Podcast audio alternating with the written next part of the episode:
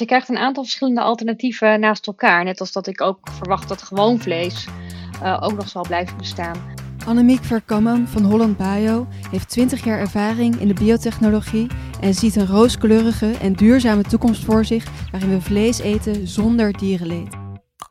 Dit is een podcast van ANP Expert Support. Deze dienst staat los van de ANP-redactie. Mijn naam is Luna van der Waarde en ik spreek Annemiek Verkamman, directeur van Holland Bio, naar aanleiding van dit ANP-nieuwsbericht.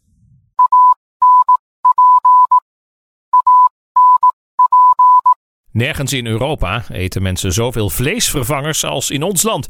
Het zijn ook steeds meer jongeren, blijkt volgens de NOS uit onderzoek. Nederlanders geven ook het meeste geld uit aan bijvoorbeeld groenteburgers en vegetarische gehaktballen, ook al is het bedrag nog klein. Het gaat om 17 euro per persoon per jaar. Hier te gast Annemiek Verkamman, directeur van Holland Bio. Nergens in Europa eten mensen zoveel vleesvervangers als in ons land. Zijn sojaburgers nou dé oplossing voor een duurzame toekomst met zo min mogelijk dierenleed? Nou, het is natuurlijk mooi nieuws dat Nederlanders openstaan uh, voor alternatieve eiwitbronnen. Maar naast de sojaburgers zit er nog meer in de pijplijn, namelijk kweekvlees of gecultiveerd vlees. En het mooie daaraan is dat het duurzaam is en diervriendelijk, want er komt, uh, er komt wel een dier aan te pas, want er komt de cel van het dier. Maar om het uh, stukje vlees te maken, hoeft het dier verder niet te lijden en heb je ook steeds niet opnieuw dieren nodig. We zien dat Nederlanders nu steeds vaker kiezen voor een vleesvervanger. Uh, dat is natuurlijk een stap in de goede richting. Uh, maar staan Nederlanders dan eigenlijk wel te wachten op kweekvlees? Ja, dat vind ik een goede vraag. Ik denk het eigenlijk wel, want als je nu naar het schat kijkt van uh, vleesvervangers in de supermarkt en je vergelijkt het met een aantal jaar geleden, dan zie je een enorme toename en een enorme toename aan variatie. En, um, en toch zijn er nog steeds heel veel mensen die ook zeggen, nou, voor mij geen uh, sojaburger, want ik mis dan uh, die vleessmaak, die typische smaak die daaraan zit. En als we ook voor die groep een duurzaam en de diervriendelijk alternatief kunnen bieden, denk ik dat dat echt vooruitgang is. Dus naast de sojaburger is ook vlees dat gemaakt wordt in een laboratorium uh, de toekomst. Hoe staat Nederland daar nu voor? Ja, inderdaad. Je krijgt een aantal verschillende alternatieven naast elkaar. Net als dat ik ook verwacht dat gewoon vlees uh, ook nog zal blijven bestaan. Als je naar de Nederlandse situatie kijkt, hebben we twee prachtige bedrijven in Nederland, Mozamiet en Meatable. Uh, die hebben allebei flink wat investeringen opgehaald het laatste jaar. En dit zijn echt de koplopers op dit gebied. Zij, zij zijn echt aan het pionieren hiermee. En het is goed om te zien dat er ook vanuit de investeringszijde veel aandacht voor is. En uh, ik hoop ook dat de innovaties van deze bedrijven over een aantal jaar op ons bord liggen. En Nederland is dus eigenlijk een, de koploper internationaal gezien in de ontwikkeling van kweekvlees. Maar hoe is de wet en regelgeving ingericht als het gaat om zulke technologische ontwikkelingen in de voedselindustrie? Ja, al het nieuwe voedsel uh, dat toegelaten wordt op de Europese markt moet uh, voldoen aan de novel food regelgeving. Dat is Europese regelgeving. En uh, het gecultiveerd vlees, dat moet nog dat traject doorlopen. En ik vind dat wel spannend, want wat we weten is dat die regels zijn niet opgesteld met deze nieuwe innovaties in het achterhoofd. En wat je eigenlijk ziet is dat koplopers, dus de partijen die iets voor het eerst maken, voor het eerst ontwikkelen, lopen eigenlijk daar altijd tegenop.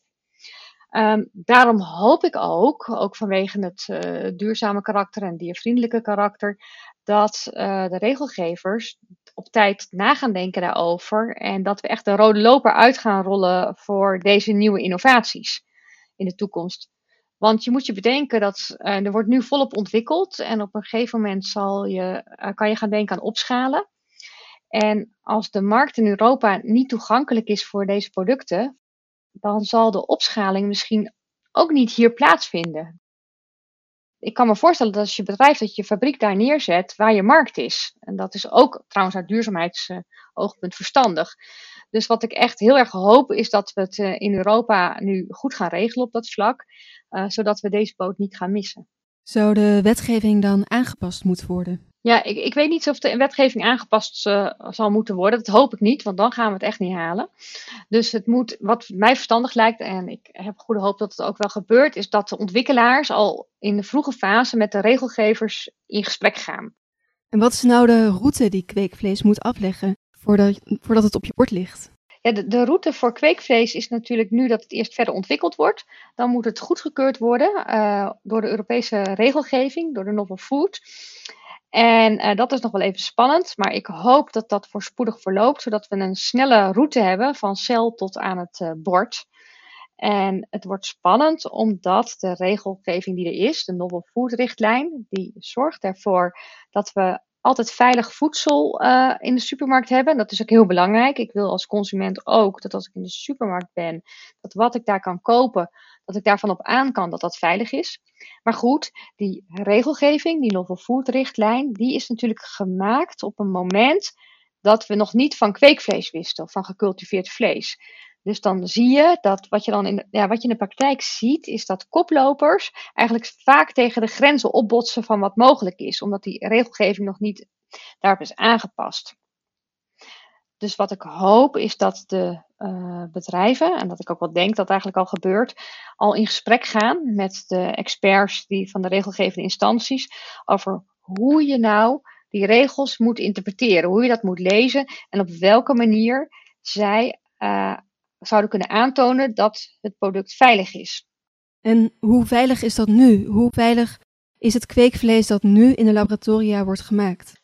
Um, ja, enerzijds kan je, weten we nu natuurlijk al dat je bijvoorbeeld geen antibiotica bij nodig hebt. Uh, je weet ook dat de kans op bacteriën uh, kleiner is. En ook dat op die manier uh, dat je niet een industrie bouwt waar nieuwe virussen kunnen ontstaan. Ehm, dus dat vind ik een pre.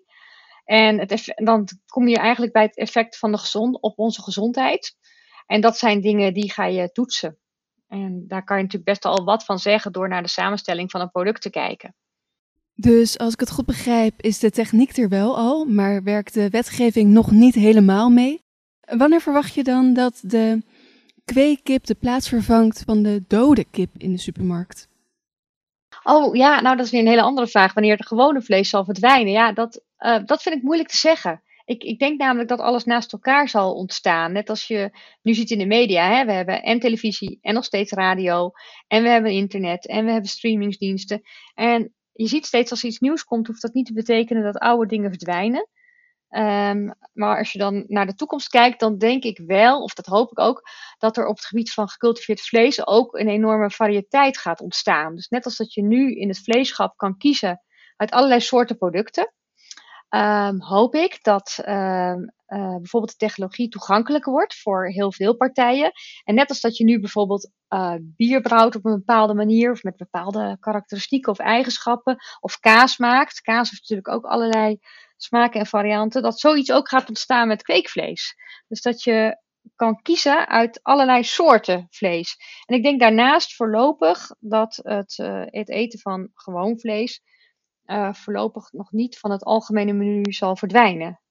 Maar dat de nieuwe generatie wel steeds, dat zie je nu al, hè, ook in het nieuwsbericht, dat die veel meer openstaan voor het proberen van nieuwe varianten en alternatieve eiwitbronnen.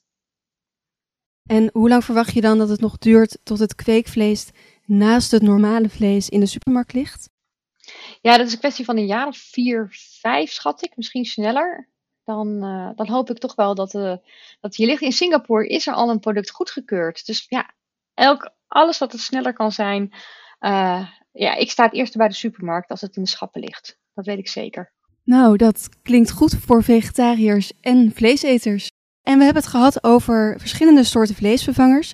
Hoe Nederland ervoor staat in de ontwikkeling van de voed voedselinnovatie en de regelgeving. Maar zie jij straks dan in Nederland voor je vol met kweekvleesboerderijen bijvoorbeeld? Ja, zou best leuk zijn, denk ik. Dat je naast een kaasboerderij ook een kweekvleesboerderij hebt die zijn eigen specialiteit heeft en zijn eigen wijze van een product ontwikkelen. Want ik denk dat alleen zo, als je daar variatie in aan kan brengen, dat het echt een, uh, een volwaardig uh, alternatief zou kunnen zijn, voor, ook voor de consument. Dat je kan kiezen, dat je wat te kiezen hebt, want iedereen heeft nou eenmaal andere voorkeuren. Nederlanders kiezen nu al vaker dan andere Europeanen voor vleesvervangers. en straks hebben we dus nog veel meer keuze om een stukje vlees te eten zonder dat er dierenleed aan vooraf is gegaan. Ja, ja ik kijk ernaar uit. Dankjewel. Graag gedaan. Deze en andere experts staan in de database van ANP Expert Support. Ga voor meer informatie naar anp.nl/expertcast. Dit is een podcast van ANP Expert Support. Deze dienst staat los van de ANP-redactie